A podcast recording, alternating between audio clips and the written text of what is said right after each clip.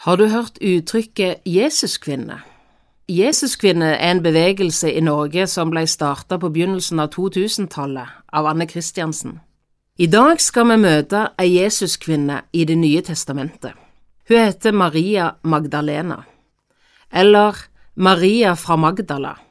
Denne byen på vestbredden av Genesaretsjøen. Vi møter henne og en del andre kvinner i Lykkers Lukas evangeliet kapittel 8 og vers 1 til 3.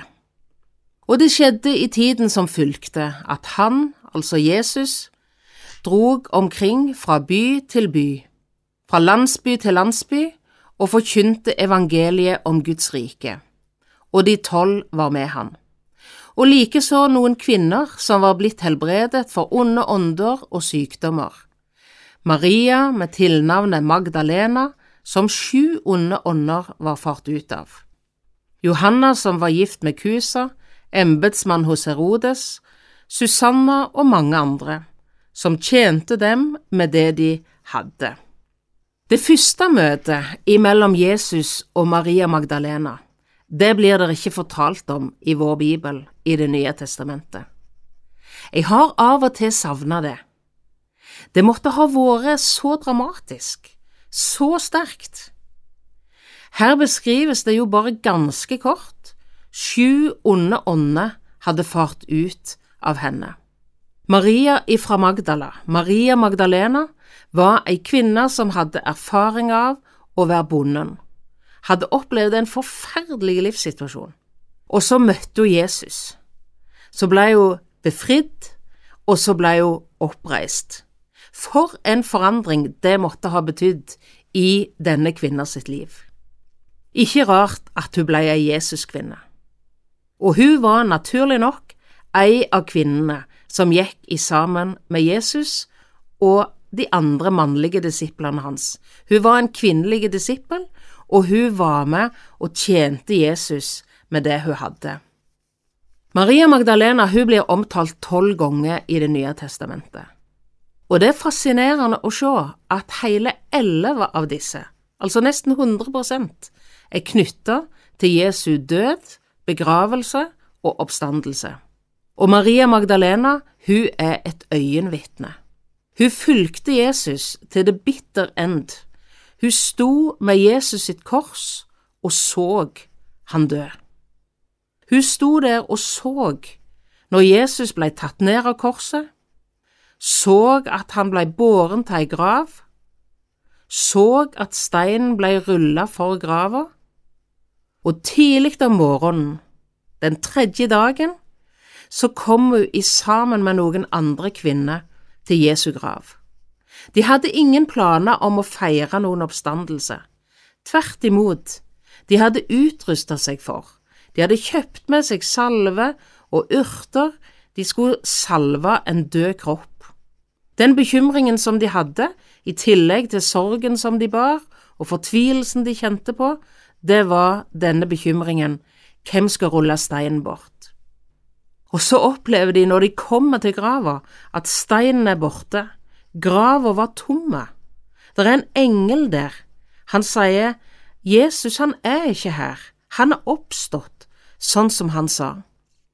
I Johannesevangeliet så forteller Johannes om hvordan han og Peter sprang til grava for å se, når Maria Magdalena kom og fortalte dem at Jesus, han er der ikke lenger.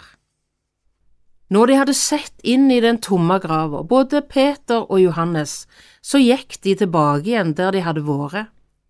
Men Maria, hun blir stående i hagen ved den tomme grava. Hun er så fortvilte hun er så sorgfulle. Hvor er Jesus? Hvor har han blitt av? Det er ikke bare det at han er død.